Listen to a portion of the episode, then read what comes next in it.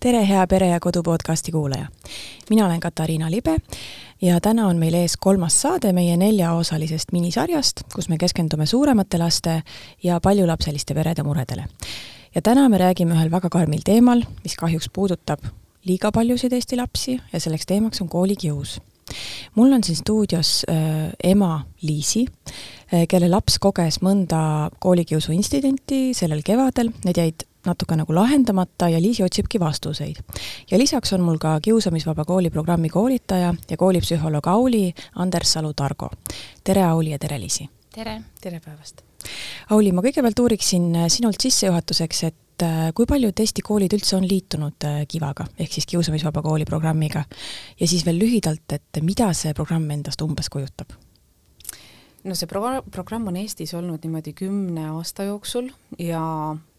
tõtt-öelda ma praegu ei ütle sulle täpseid numbreid, kui palju kooli on liitunud, ma tean, et just nendel päevadel siin eile ja üleeile oli jälle üks äh, baaskoolitus, mis toimus Tallinnas, nii et neid koole on kogu aeg juurde tulemas, äh, see tähendab, et siis seal koolides on olemas kivatiimid, need on inimesed, kes saavad siis sellise põhjaliku väljaõppe selle kohta, kuidas ja mil moel hakata lahendama kiusujuhtumeid, kui neid on juba tekkinud. Neil on seal omad kindlad sellised reeglid mida nad peaksid tegema, kuidas suhelda lastega, kuidas suhelda lapsevanematega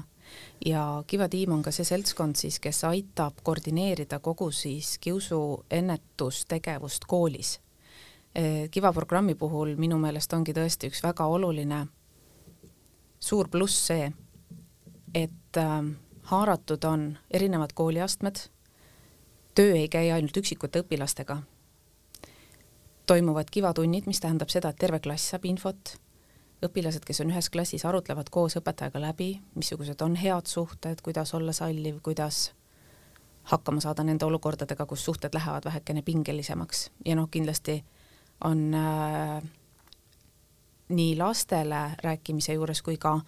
terve kooliperega, ma mõtlen siis nii koolitöötajate kui ka vanematega rääkimise juures oluline see, et tekiks ühine arusaamine, mis on kiusamine et need tõepoolest ei ole sellised väikesed üksikud norimised, nügimised, tülid, vaid seal on omad sellised kindlad kriteeriumid ka, et Kiva programmi puhul siis Kiva tiim ka selle teema käib läbi, annab infot, et tekiks selline ühine infoväli. ja, ja ka tõesti, kui hästi lühidalt öelda kahe lausega, siis Kiva programm tähendab ühelt poolt ennetustegevust, mis puudutab siis terveid klasse ja tervet kooli, ja teiselt poolt on see siis ka hästi konkreetselt kiusujuhtumite lahendamise metoodika selles programmis olemas, mida siis Kiva tiimi liikmed kasutavad mm. -hmm.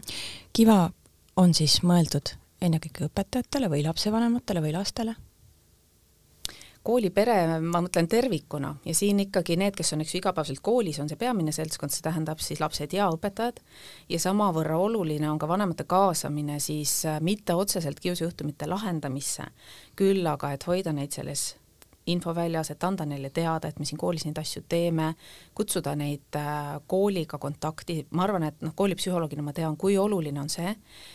et vanematel oleks kooliga tekkinud selline positiivne kontakt, eelkõige klassijuhatajaga, võib-olla ka aineõpetajatega või veel seal inimestega, kes otseselt ja hästi tihedalt nende lastega kokku puutuvad, sest et kui peaks juhtuma, et noh, koolielus tuleb ka ette tõesti selliseid pingelisi aegu ja hetki, kus laps, lapsed käituvad sellisel moel, mida me üldse ei tahakski, et nad teeksid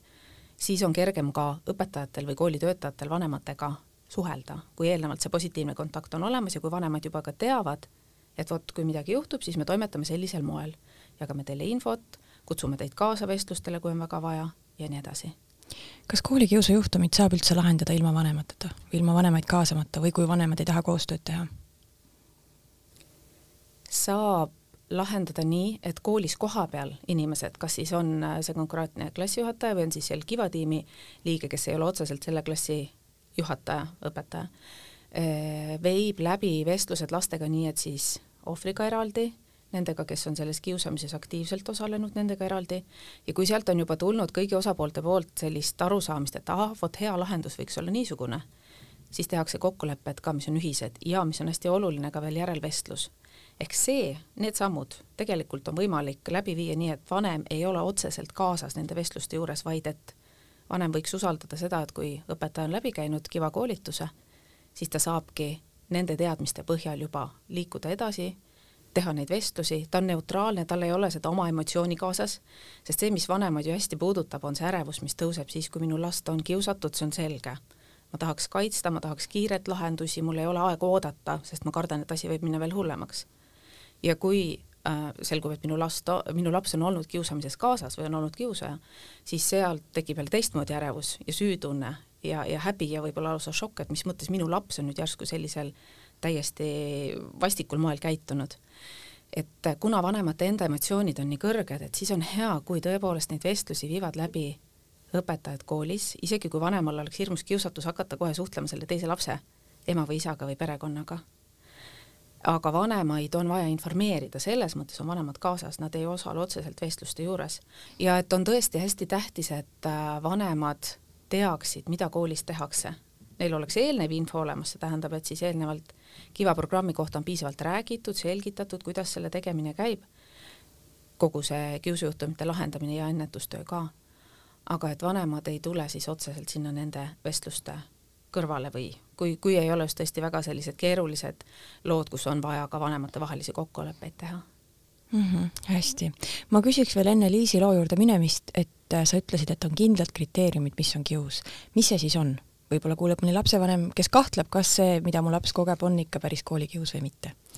ja kusjuures mul siin on silme ees ka lapsevanematele mõeldud miniõpik, mis on ka veebis täiesti kättesaadav olemas kõigile inimestele, kes soovivad Kiva programmist ka rohkem teada saada ja ma vaatan, igaks juhuks võtsin selle ette, kuigi ma koolitajana ju tean, aga hea on vaadata siit silme ees, hoida neid märksõnu. korduvus. see tähendab, et ikka ja jälle üht last on kiusatud, tema suhtes on keegi teinud midagi halvasti, see võib olla ühe õppeaasta jooksul, see võib olla isegi läbi terve kooliaja. Tahtlikkus, see tähendab seda, et äh, tema suht-, talle tehakse tahtlikult haiget. Ähm,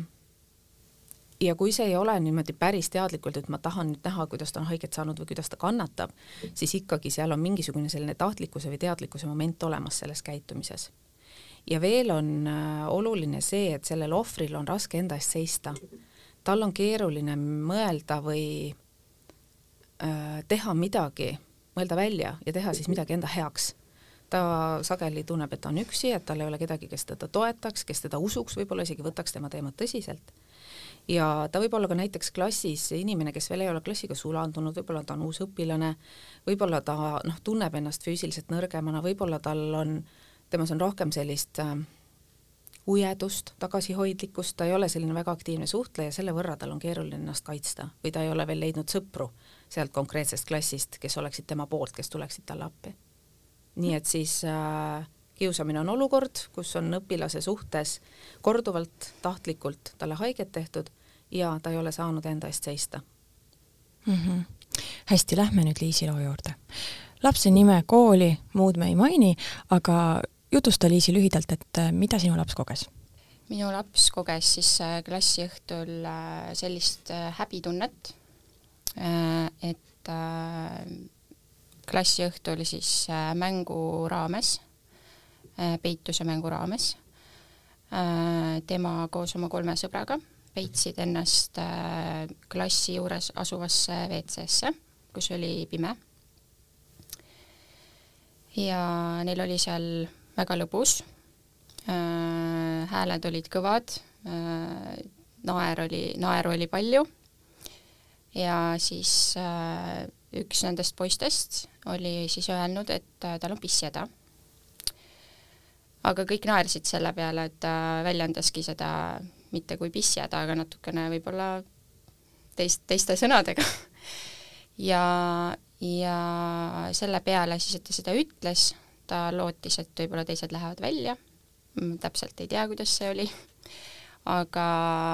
põhimõtteliselt siis see poiss äh, pissis äh, minu lapse äh, nagu riiete peale, ehk siis teksade peale. ja minu laps koges siis sellist tunnet, et, äh, et kui ma talle siis kooli juurde järgi läksin, siis ta ei olnud võimeline viisteist minutit üldse sellest rääkima ja ma nägin, et midagi oli valesti, sellepärast et tal olid võõrad püksid jalas ja ma küsisin, et need ei ole ju sinu püksid, et mis toimub, mis juhtus. ja ta ei, ta ei olnud suuteline sellest üldse rääkima.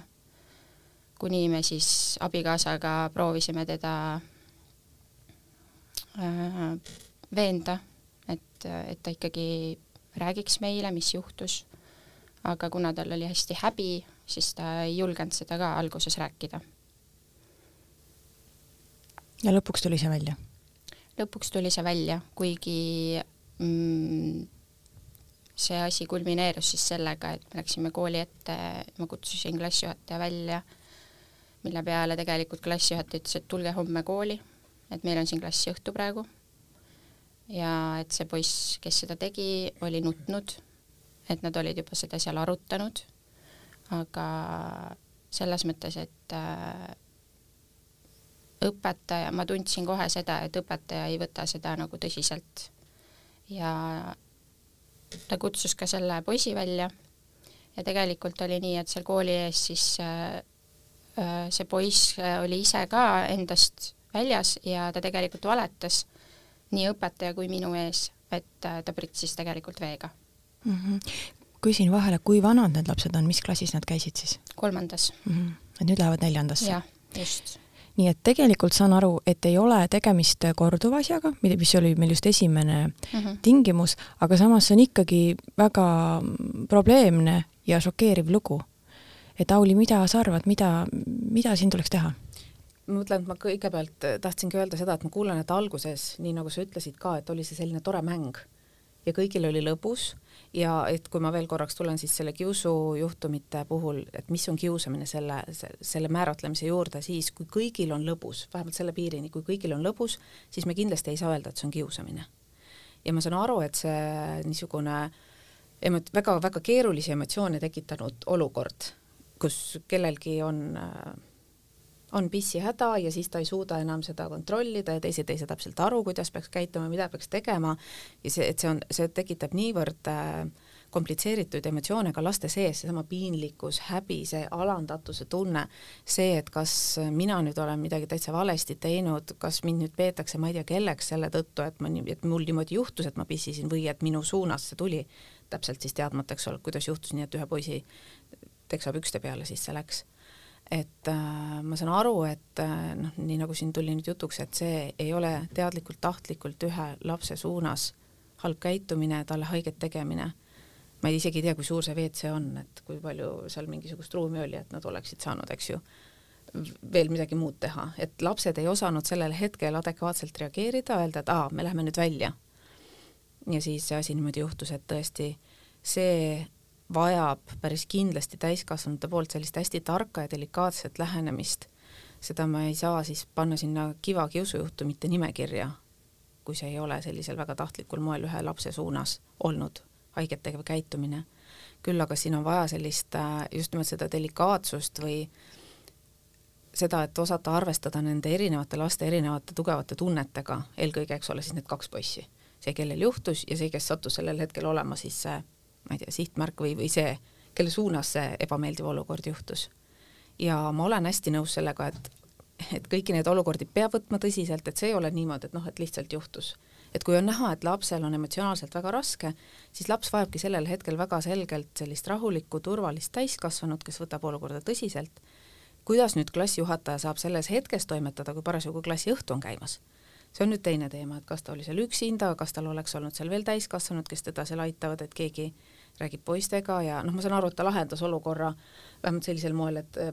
märjad püksid jalast ära, kuivad püksid asemele, kellegi teise no, seda püksid, poisid lahendasid tegelikult Aa, ise. või nad lahendasid seda ise? sellepärast mm, -hmm. et seal oli veel kaks poissi sellel samal hetkel seal ruumis ja, ja tegelikult äh, miks ma olen nagu väga mures, ongi see, et mu enda laps ei tegelikult ta teadis äh,, mis vedelik tal seal pükstel oli, aga ta ei julgenud seda nagu öelda et, äh, et tegelikult tema siis äh, sõbra ema põhimõtteliselt äh, ütles mulle, et kui ta, tema läks oma lapsele järgi, siis see poiss rääkis talle täpselt ära, et seesama poiss andis ka talle oma püksid mm. ja, ja, ja tegelikult äh, ma selle hetkeni ise arvasin ka, et see oli vesi aga ma küsin ikka vahele, kas nende kahe poisi suhete dünaamikas on olnud mingeid selliseid ähm, keerulisi asju veel või kas neil on natuke mingi võimu või jõusuhete vahekord ka? tegelikult äh, nende kahe poisi vahel ei ole, aga, aga üks teine poiss, kes viibis ka sealsamas ruumis äh,, temaga on olnud juhtumeid küll varem, et äh, nendel seal on nii-öelda selline nagu klassis on tekkinud selline punt poisse. Äh,, ehk siis kaks poissi, kes on nii-öelda klassi liidrid äh,, kelle sõbrad tahavad kõik teised olla. Ja noh, ma tean seda, et minu enda poiss tahab ka õudselt väga nende gruppi kuuluda,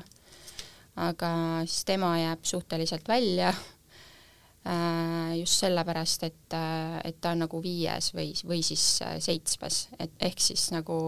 neil on seal, tegelikult nad saavad kõik omavahel hästi läbi, aga, aga siis selle ühe poisiga on, on mu lapsel olnud küll varem juhtumeid.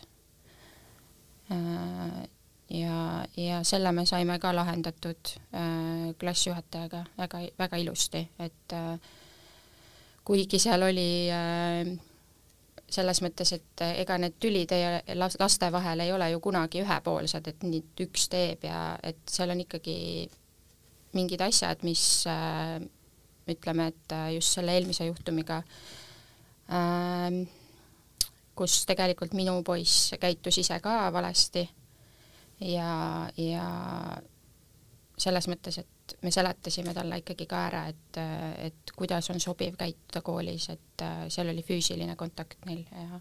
et läks kakluseks? jah mm. -hmm. ja siis tegelikult oli ka selline lugu, et, et kuna minu poiss, äh, seal ei olnud ühtegi täiskasvanut juures sellel hetkel, siis minu poiss automaatselt äh, võttis telefoni, helistas oma isale, sest mind ta kätte ei saanud sellel hetkel, ja ta andis selle telefoni kohe selle sõbra kätte, kellega neil see tüli oli mm. -hmm. ja, ja, ja tegelikult oli ka see mõne, mõnes mõttes vale käitumine, et tegelikult neid asju ei saa niimoodi lahendada, et, et ke, mingi lapsevanem hakkab äh, äh, noh, ükskõik, mõni lapsevanem võib ju reageerida hetkeemotsiooniga nii, et ta läheb väga vihaseks, ta võib äh, last sõimata, minu abikaasa muidugi ütles, et lahendage rahulikult see ära, leppige ära, et, et noh, selles mõttes, et et see lahenes minu jaoks väga nagu normaalselt. aga mm, -hmm. aga see kevadine juhtum oli täpselt nii, et, et see oli juuni alguses, kui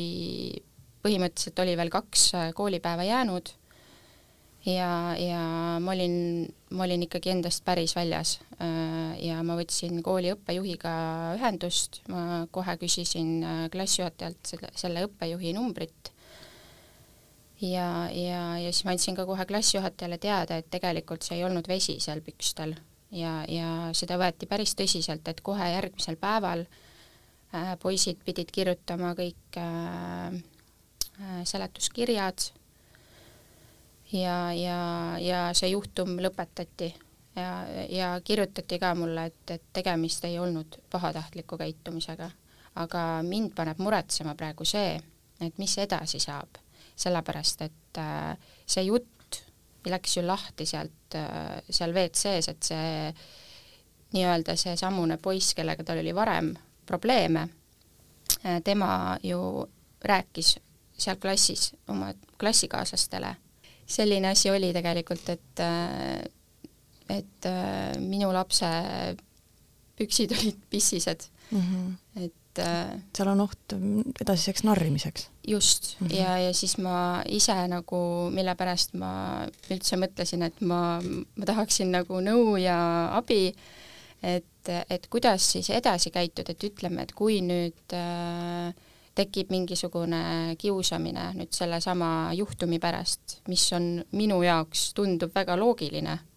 et kuidas minul oleks mõistlik edasi käituda, et, et koostööd teha nii klassijuhataja kui siis kooliga.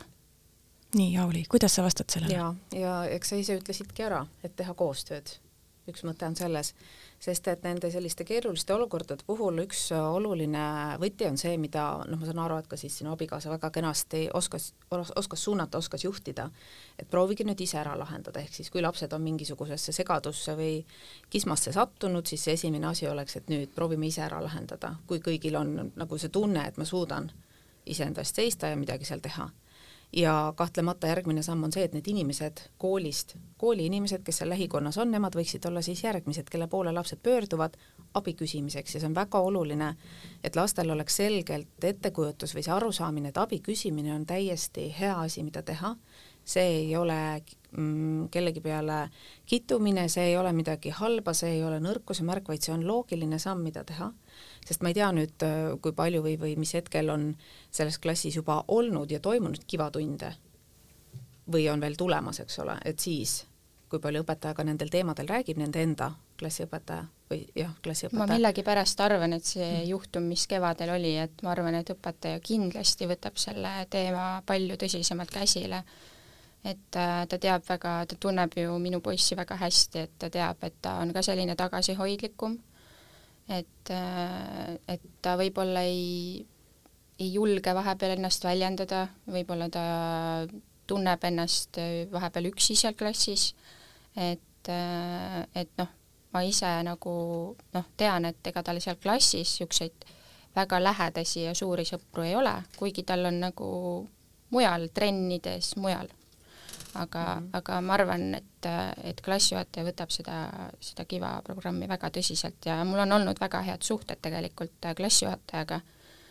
aga see antud olukord, mis tekkis äh,, siis ma mingis mõttes ma olin hästi pettunud, et ta ütles, et tulge homme kooli. et, et meil ongi lapsel olnud äh, juhtumeid, kus äh, õpetaja ei ole juures, kui midagi juhtub, kui mingi tüli on või mingisugune, ütleme, mingi maadlus või asi. ja, ja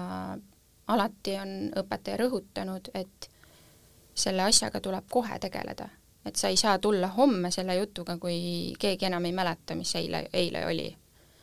ja, ja, ja sellepärast ma olin ka hästi nagu äh, kuidas ma ütlen, mu emotsioonid käisid hästi üle, sellepärast et, et me olime seal olemas see hetk. ma nägin, et mu lapsel oli kriisimoment, et ta, tal oli väga raske sellel hetkel toime tulla. ja tal oli nii häbi, et ta ei suutnud ennast väljendadagi mm. -hmm. et see häbitunne on täiesti selge, et see on niivõrd tugev, tõstab jällegi sellist stressitaset, mis tähendab, et kui laps on siis väga ootamatus olukorras, noh tõesti, et keegi ei tule selle peale, et niisugune asi võiks juhtuda, siis ta tõesti ei teagi sel hetkel, et kuidas ja mida ja, ja mida üldse teha ja see, mis ta peamine, mis ta loomulikult vajab, on siis ikkagi piisavalt rahulikud lapsevanemad, täiskasvanud, isegi kui nad ise on ärevad või tekib selline tugev emotsionaalne reaktsioon, siis see ei tähenda seda, et seda peaks lapse kuuldes või tema juuresolekul välja näitama, et see on nüüd kellegi teisega jagamiseks omavahel täiskasvanutel selleks rääkimiseks, et tõesti õpetajale öelda, et vot niimoodi oli ja noh, ma saan aru, et äh, ilmselt see konkreetne aeg, hetk, kontekst oli nii teistmoodi, et see klassiõhtu, lapsed seal toimetamas, möllamas, mida klassijuhataja peab valvama, vaatama, seal oli nii palju neid tegureid, mis ei ole tavalisel koolipäeval, mille jooksul kindlasti õpetaja on rohkem valmis, et nüüd ja kohe istute, kirjutate, räägime, arutame, teeme kokkulepped, ongi lahendus olemas et seda noh, peabki arvestama ja ma saan aru, et loomulikult mõeldes sellele, et kohe oli suvi tulemas, siis võiski olla ka, ka sinul vanemana see tunne, et noh, nüüd see asi jääbki nii õhku ja ma ei tea, mis sellest kõigest hakkab saama. aga ma kuulen siin väga kenasti ka seda, et sa oskad äh, välja tuua, kuidas tegelikult sa usaldad seda klassijuhatajat, seda, et ta suhtleb nende lastega ja see teadmatus loomulikult on, et kuidas täpselt kui kivatunde mõelda, mis on sellised äh, kiusuennetuse põhimõttega tunnid, siis seal noh, nad ei räägi ilmtingimata seda, et vot niisugune asi juhtus, vaid et kuidas üleüldse meie, ma usun, et õpetajad teevad seda sõltumata sellest, kas on kivatunde neil tunniplaanis või mitte, aga et sügisel jälle nad teevad oma klassis lastevahelised selged kokkulepped, kuidas me suhtleme, kuidas me üksteist aitame, kui keegi hätta jääb. et see peamine mõte kiusu puhul on ka see, et see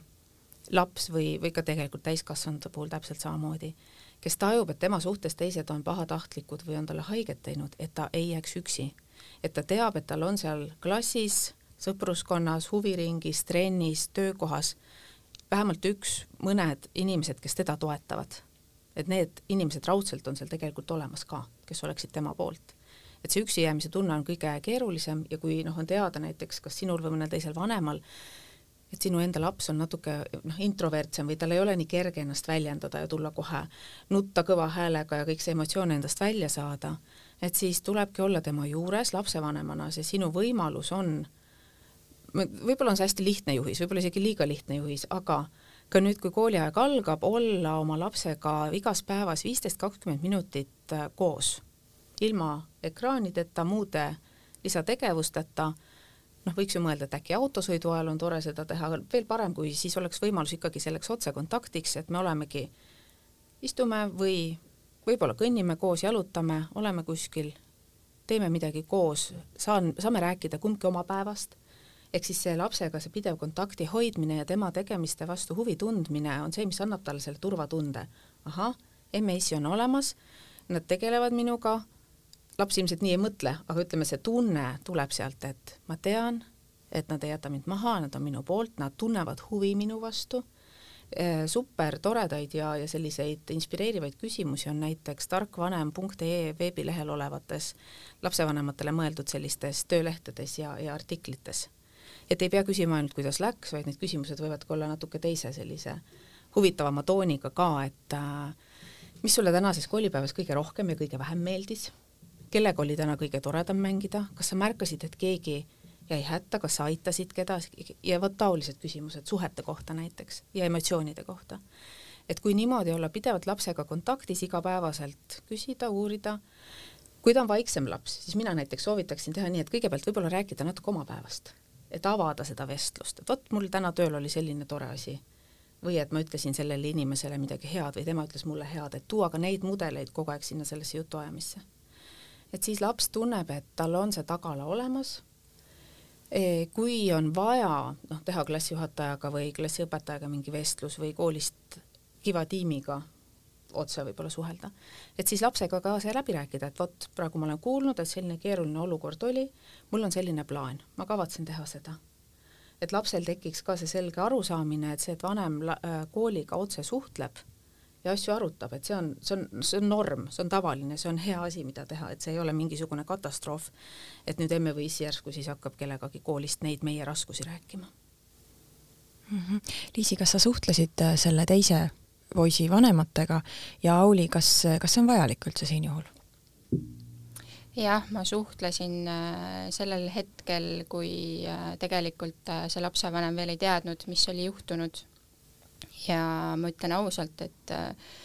et äh, me autoparklas äh, saime kokku ja, ja ma lühidalt rääkisin, mis juhtus ja, ja tema reaktsioon oli kohe see, et äh, ta ei teinud seda meelega. et, et selles mõttes, et see vestlus oli küll veidi selline natukene võib-olla, mu enda laps ei, seda ei kuulnud kõrvalt et lapsed istusid autosse ekraanidesse. Et, et ma proovisin, ma proovisin talle selgitada, et mis on juhtunud ja et ma pöördun kindlasti kooli poole ja et, et minu arust on see väga tõsine asi nagu. Ja, ja aga noh, nagu alati juhtub, et, et need lapsevanema emotsioonid keevad üle ja, ja tegelikult see ju tekitab tekitab probleeme juurde, et selles mõttes, et et ma mingis mõttes äh, äh, saan aru, et ma olen arvatavasti üks noorimaid lapsevanemaid seal klassis. Ja, ja võib-olla minu enda emotsioonid olid, olidki sel hetkel ka väga üleval, sellepärast et äh, ma olin hästi pettunud, kuidas klassijuhataja mulle vastas, kuidas ta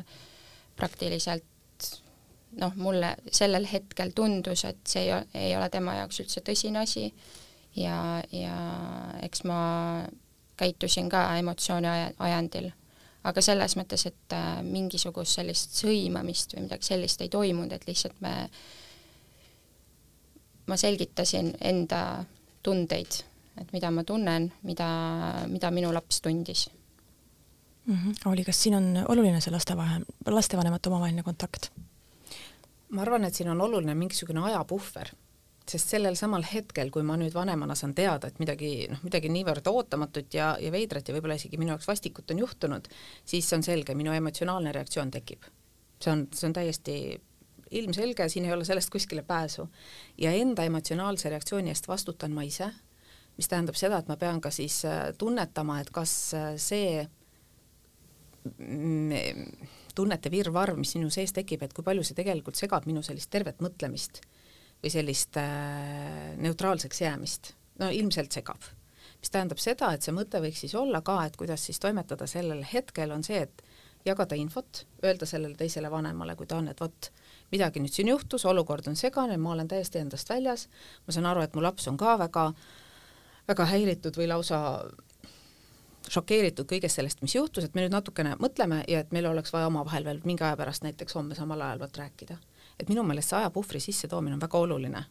et võttagi see üks, üks öö magamiseks, üks hommik veel mõtlemiseks, täpselt samamoodi, et kui on vaja kooliga suhelda mingitel teemadel, et kui päriselt kiusujuhtumid, eks ju, aset leiavad ja mina vanemana saan teada, et siis ma võtan korraks selle aja maha, hingan, proovin rahuneda, mõtlen, et mul on koolis kindlasti olemas selles koolis head professionaalid, kes teavad, mida nad teevad, kellel on teadmised, oskused ja nad ei ole kindlasti minu ja minu lapse vastu, vaid vastupidi, nad kindlasti tahavad, et need olukorrad laheneksid kenasti ära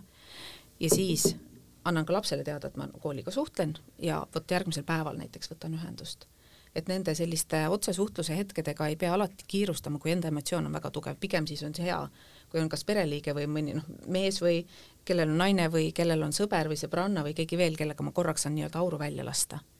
kes aitab, võtab selle emotsiooni siis vastu, kes võib-olla aitab mul natuke rahuneda, öelda, et kuule, et kõik on okei okay, või öelda, et jah, tõesti, et see asi vajab nüüd kohe tegelemist. aga et kooliga otsesuhtlus, no ma arvan, oleks esimene ja vanemate vahel, no kui ma satun selle inimesega kokku, ta on loogiline, et me räägime, et ma ei pea, eks ole, pead liiva alla peitma ja ütlema, et või, või, või oma autosse ära põgenema ja ruttu ära sõitma. Vaid et äh, lihtsalt siin on vaja palju tarkust, et kuidas ma ennast sõnastan, mis on sellel hetkel minu äh, eesmärk, ma ei tea, kas me jõuame nii sellistel kriitilistel hetkedel nii palju mõelda seda, et minu eesmärk oleks tegelikult jagada talle infot, öelda, mis minu, mis on minu teada juhtunud, öelda, mida mina selles hetkes tunnen ja öelda, et ma tahan, et see olukord saaks kuidagi lahendatud et tegelikult, äh, et meie selle emaga, kui me rääkisime, siis meie jaoks oli, meie mõlema jaoks oli oluline, et äh, poisid on ju edasi sõbrad, et, äh, et see, et selline asi juhtus, et nad, nad tõesti seal kallistasid, tulid autost pärast välja ja ja, ja vabandasid ja, ja leppisid ära, et selles mõttes, et nad on olnud alati sõbrad neil on olnud ühiseid huve, nad on ka väljaspool kooli kokku saanud, et, et tegelikult on nagu, suhted on alati väga head olnud mm. -hmm nii, aga ma saan aru, et see nagu küsimus või probleem on siin selles, et kuidas nüüd ennetada seda, et see ei kasvaks kiusuks. ja sa natukene oli juba vastasid, aga võib-olla on sul midagi veel lisada, et kui meid kuulab mõni lapsevanem, kes ennast ära tunneb, et on olnud lapsel mõned intsidendid, mille pärast on natukene mures, et ei tea, kuidas see edasi laheneb, siis kuidas seda last jälgida? Et mis, mis viitab sellele, et, et võis, nüüd võis tõesti mingi suurem kius pihta alata? jaa, mul on jälle hea spikker on siin selles lastevanemate äh, miniõpikus, kohe ma vaatan, siin oli üks äh, päris korralik nimekiri märkidest, mis võivad viidata sellele, et lapse suhted koolis on läinud kiiva ja ei ole tal enam seal nii turvaline ja kindel olla, neid on siin päris palju ära nimetatud ja, ja, ja mõte selles ka, et kui on ainult üks märk eraldi, näiteks et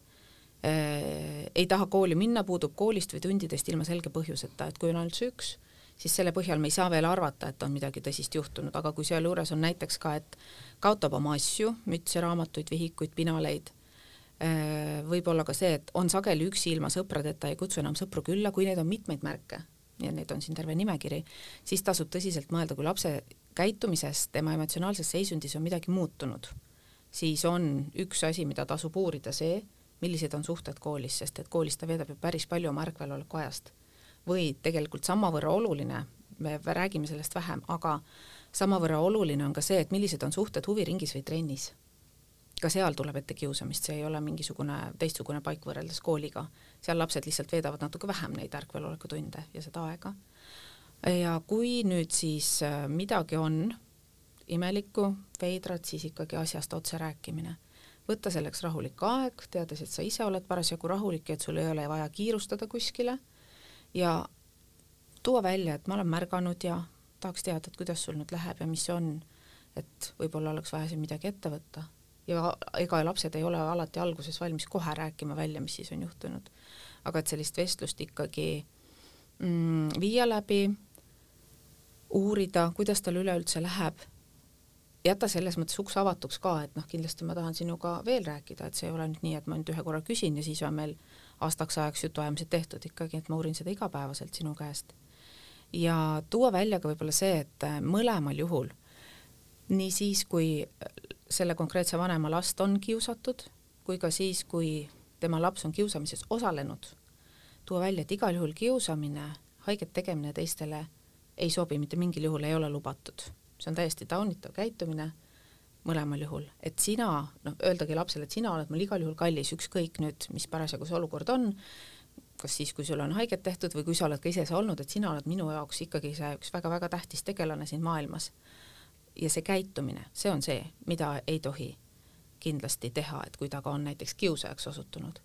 ja kui ta ohver on, siis minu meelest on üks oluline ohver, ohvriks on sattunud, üks oluline põhimõte on see, mida me täiskasvanutena peaksime niimoodi võib-olla ekstra meeles hoidma, et äh, ainult ohver ei vastuta selle eest, et kiusamine lõpeb, ehk see ei ole ohvri vastutus, et mina pean nüüd endas kõike muutma, mm, olema pikem, olema kõhnem, mitte kandma prille, olema väga sportlik, mida iganes, olema supersuhtleja, et kius muutuks. see vastutus on kõigil lastel, kes on seal lähikonnas, kes on äh, terves klassis tegelikult, kes on kiusamise pealtvaatajad või, või kõrvalseisjad ehk siis ohvril ei ole seda, et nüüd tema peaks oma elus mingisuguseid kardinaalseid muutusi tegema selleks, et kiusamine ära lõpeks. see on ikkagi tervet klassi puudutav teema ja siin on õpetajal hästi suur roll, et kuidas need klassinormid kujunevad ja samas jällegi ma tean, et ma olen üheksateist aastat töötanud koolipsühholoogina, et see teema, mida ka õpetajad välja toovad, mis nende töö omakorda teeb vahel päris äh, keeruliseks, korralik väljakutse on see, kui lapsed tulevad kooli perekondadest saadud väga erinevate väärtuste või hoiakutega ja kuidas nüüd õpetaja suudab jälle selle omakorda seal klassis viia niisugusesse seisu, et ikkagi me aktsepteerime kõiki, kes meist on erinevad, teistmoodi käituvad või olevad inimesed ei ole selle võrra harvem, halvemad, neid ei pea sellepärast hakkama halvustama või kiusama, aga et kui peredest on natuke teised arusaamised, näiteks lastevaheliste erinevuste suhtes, siis õpetajal on see jah, paras tegemine, et klassis sellist ühtset normi luua. Ja selleks näiteks on tõesti kivatunnid üks-viis mm. -hmm. nii, see oli nüüd nõuanne vanemale, kes äh, kahtlustab, et last kiusatakse. aga kui on ikkagi teada, et ongi täiesti selline regulaarne kiusuna kvalifitseeruv tegevus koolis, et äh, mida siis lapsevanem võiks oma lapse heaks teha? kui nüüd vanemana, vanemani on kuidagi see info jõudnud, siis ja kordan tegelikult üle sedasama, mis, see on väga, väga, väga üldine, aga samas see baas, millest tuleb lähtuda, et vanema enda rahulik ja, rahulik hoiak ja selline turvaline keskkond, õhkkond, et laps saaks üleüldse hakata rääkima, et temast tekiks seda julgust jagada seda olukorda, mis võib-olla ongi olnud väga piinlik ja ta isegi ei saa aru, et kas ta ise on midagi valesti teinud, et teda on hakatud kiusama, et ta võib ennast süüdistada, ta võib olla väga suures segaduses, et, et üldse sellisel teemal hakata rääkima, ta vajab sellist turvalist ja rahulikku õhkkonda. võib-olla mõlemad vanemad näiteks on koos, tema juures, tema lähedal, hoiavad võib-olla kaisus või on kuidagi muud moodi ka see füüsiline kontakt, siis lapsel on kindlam ja turvalisem olla ja siis hakatagi rääkima, paluda tal avada, mis on juhtunud, selle mõttega, et mina vanemana saan sind aidata. mina oskan rääkida ka teiste inimestega, me saame koos otsida lahendusi ma olen sada protsenti sinu poolt, ükskõik mis ka on juhtunud, ei hakka, vanem ei, ei noh, kindlasti on nii oluline, et mitte hakata kasutama suhtlemistõkkeid, et aga et sa ise ju tegid midagi või et miks sa mulle varem ei rääkinud, ka sellised reaktsioonid mõjuvad tegelikult lapsele väga heidutavalt, et see ei ole üldse selline tore hetk. ja tuua välja tõesti, et kui, kui teda on hakatud kiusama, siis see ei ole tema süü. et see olukord on kuidagi läinud kehvaks, midagi on seal juhtunud, et see ei ole, et laps ise oleks midagi teinud valesti et kiusamist ei õigusta mitte miski.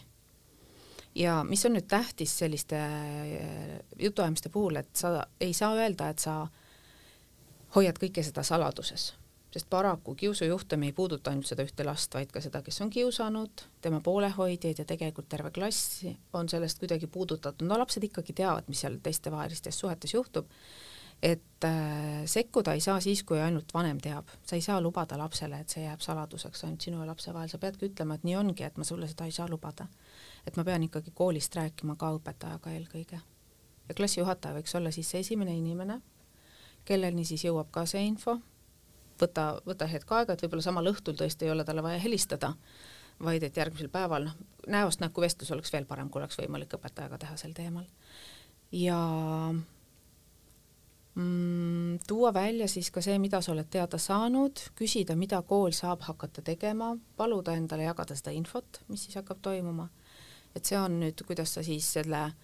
mm, lapse pealt nii-öelda selle vastutuse või koorma niimoodi vähemaks võtad, öeldes, et me nüüd täiskasvanutena hakkame siin tegutsema, toimetama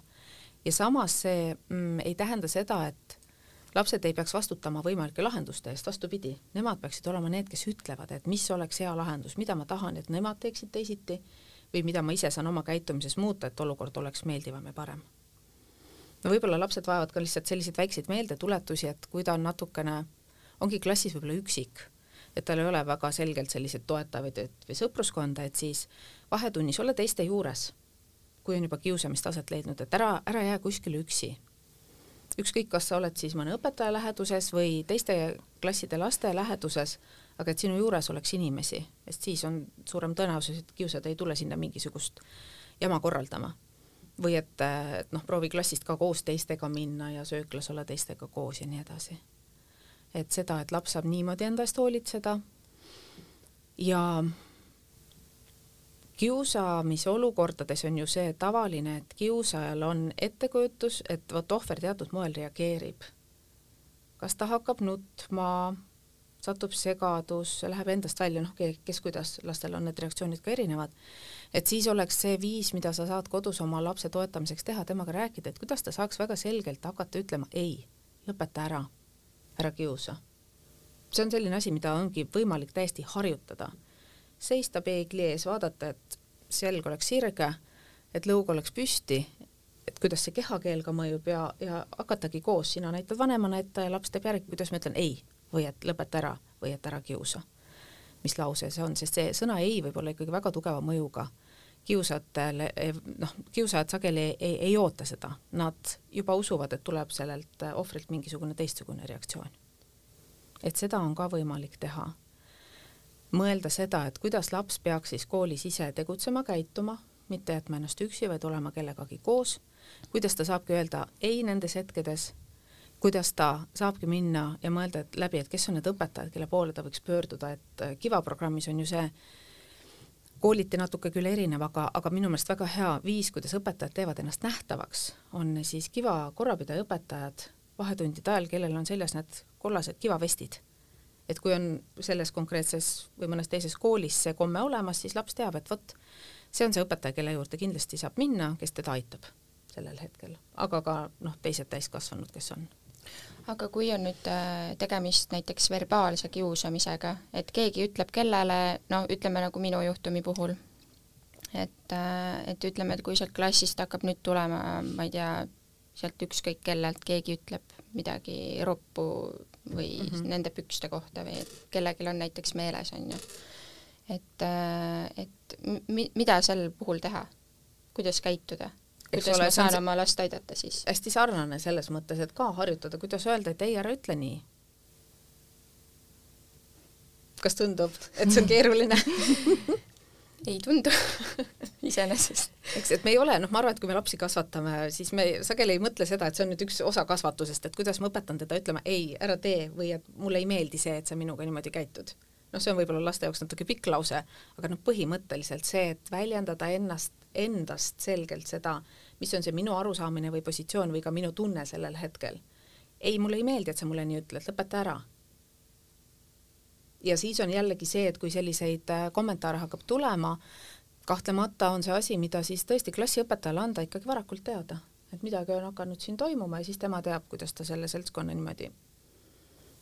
võtab ja paneb siis paika asjad nendega koos ühiselt, nii et lapsed ise siis saavad ka juba jälle arutada, et kuidas teha nii, et ei tekiks sellist jama, et et halvasti ütlemine igal juhul on ka, et kui see on samamoodi korduv tahtlik ja kui siis see, kellele on halvasti öeldud, ei oska enda eest kuidagi seista, ei oska veel vastu öelda, siis see on täpselt samamoodi kiusamine. et siin ei ole mingit küsimust ka. Need kiusamise vormid võivad olla erinev ja verbaalne kiusamine on üks nendest, jah. aga et kodus lihtsalt harjutadagi ei ütlemist või stopp või kui seal klassis on mingid oma reeglid tehtud sellega seoses, et kuidas, kuidas siis äh, kas enda eest seista või kellegi teise eest seista, et siis on see oluline info, mida noh, ma eeldan, usun, et ka klassiõpetajad jagavad seda vanematele ja võib-olla on lastel kuskil päevikus ja kuskil mujal kirjas ka, et mis on need meie klassi sellised head tavad või reeglid. et siis see on ka asi, millele toetuda. nii, kas neid nõuandeid vanemale, kelle laps kogeb kiusu, on veel ähm,? kooli mõttes nagu ma ütlesin, otsesuhtlus siis õpetajaga ja Kiva tiimi poole on ka võimalik pöörduda, kui koolis on olemas ikkagi Kiva programm. sest nemad siis saavad öelda ka, et noh, kas see liigitub kiusujuhtumi alla, kas nad peaksid sellega tegelema või see on siis töö, mida õpetaja peaks klassis suhetega tegelema, tegema. siis äh, mõelda ka tõesti, et kui laps käibki, eks ole, kuskil trennis ja ringis ja tal on mujal neid sõpru, siis on suurepärane et hoida natukene ka sellel pilku peal, uuridagi lapse enda käest ka, et kes need sõbrad on ja kuidas tal nendega läbisaamine on kui tal ei ole huviringe, siis kindlasti need leida, valida, võtta see võimalus vastu, et laps saab esiteks ühelt poolt mingisuguseid uusi oskusi arendada, aga sealjuures ka kogu aeg arendada oma suhtlemisoskust. sest see on nende huviringide ja trennide puhul, ma arvan, et üks väga-väga suur pluss. olla väga erinevate inimestega ühe eesmärgi nimel koos midagi teha, harjutada siis sellist koostööd ka. ja mis puudutab võib-olla sellist noh, sellist kodust elu rohkem ongi see, et äh, lapse lapsega koos rääkida, kes need sõbrad on, kutsuda neid sõpru külla, olla ise ka mingil hetkel seal juures, saada nende sõpradega tuttavaks, ehk luua seda kontakti ka nende toredate positiivsete inimestega, kes laps, kes on lapse elus või siis äh, noh, kui on sellist tihedamat suhtlemist nende, suhtlemist nende klassikaaslaste vanematega, et siis ka seda kasutada. saadagi vahel kokku, võtta üks aeg, rääkida, jagada mingeid mõtteid, mingeid muljeid, et hoida seda positiivset kontakti erinevate inimestega mm. -hmm. ma tahaks veel küsida minu jaoks kuidagi kõige keerulisema teema kohta, et kui äh, vanem teab, et tema laps on kiusaja, mida siis teha mm? -hmm. alustame sellest esimesest sammust, rahuline, rahulik, turvaline õhkkond, et asjast otse rääkida. see ei ole asi, mida nüüd peaks kuskile eemale lükkama, vaid paneme ta lauale. on selline olukord, ma olen kuulnud, ma olen aru saanud, et sinuga on sellised lood et on juhtunud selliseid olukordi, uurida, küsida ja nagu ma enne ütlesin ka, mitte hakates äh, last siis süüdistama, et sa oled noh, ma ei tea, karjuma seal lapse peale midagi või et kuidas sa nii võisid või et see on täielik häbi ja, ja piinlikkus ja, ja, ja üleüldse me ei ole sind selliseks kasvatanud ja mis sul viga on, kõige selle asemel, nende suhtlemistõkete asemel peaks ikkagi vanem väljendama võib-olla oma segadust, et, et ma ei, ma, ma olen täitsa segaduses, ma ei saa aru, mis nüüd on juhtunud, sa tead et, et sa oled mulle väga kallis, sa oled minu laps ja ma igal juhul hoolin sinust, armastan sind, ma tahaks nüüd teada, mis siis seal toimus. et sellisel moel läheneda, et seda vestlust siis teha. ja öelda sealjuures, et kuule, aga et noh, see kiusamine, see on täiesti ebasobiv. seda ei, seda, sellist käitumist ei tohi rohkem enam olla, see peab ära lõppema.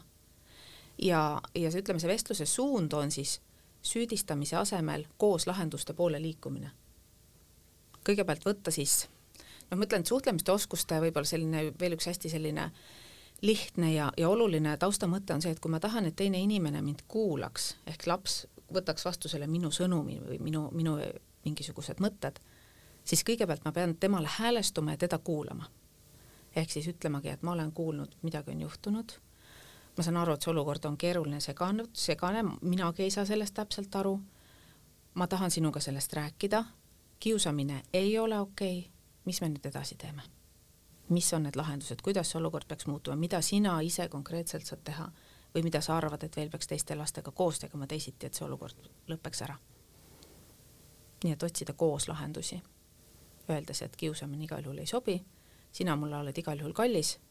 olukord on väga-väga ebameeldiv ja me peame siis koos sellest nüüd edasi liikuma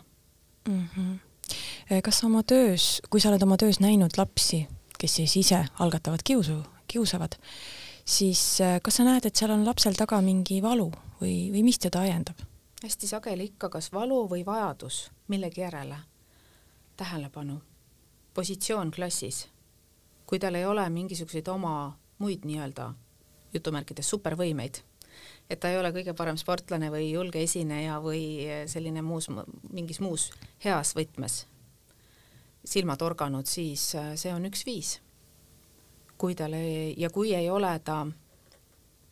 kas lasteaias või siis kodus ei ole olnud sellist sõnumit, et kiusamine ei ole okei okay,, et teistele inimestele haiget tegemine ei sobi mitte kuidagi, ei tohi seda teha, siis see võib olla tema käitumise noh, kas nüüd just selliseks normiks kujunenud, aga midagi, mida ta kasutab, et ahah, ma teen talle vot niimoodi, löön talle vastu pead, minu kõrval on minu sõbrad, kes naeravad kaasa ja siis? Loomulikult ma teen seda veel sellepärast, et ma saan nendelt sõpradelt ka seda heakskiitu või seda tähelepanu, mida ma hirmsasti vajan et sageli seal on selline element, et soov äh, selles klassikollektiivis ennast kuidagi tõestada või, või, või aru saada, et kus on see minu koht on ja ma tahan olla selline mingil kõrgemal positsioonil ja ma teen siis midagi selleks, et minu kaaslased paneksid mind tähele ja arvaksid, et ma olen, oo, et küll ma olen siis julge või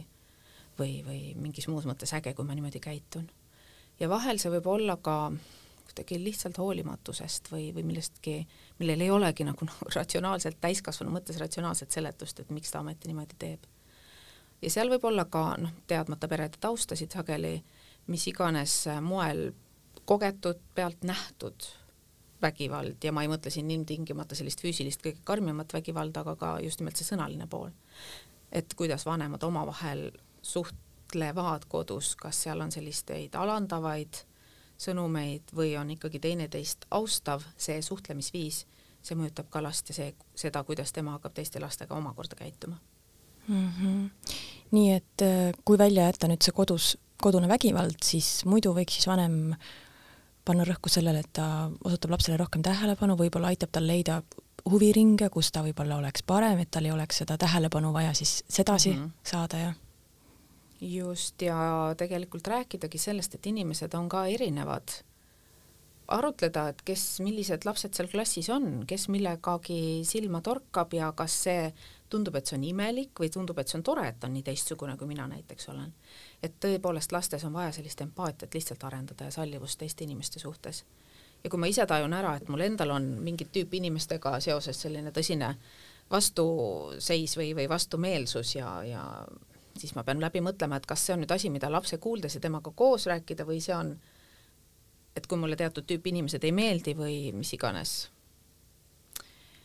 poliitikud või keegi muu, et siis kuidas ma neid siunan või kuidas ma seda oma pahameelt ja kelle peal välja elan, aga et see ei ole midagi, mida lapsele õpetada mm. -hmm. vaid lapsele ma peaksin õpetama seda, et ma vahepeal olengi pahane või olengi kuri kellegi peale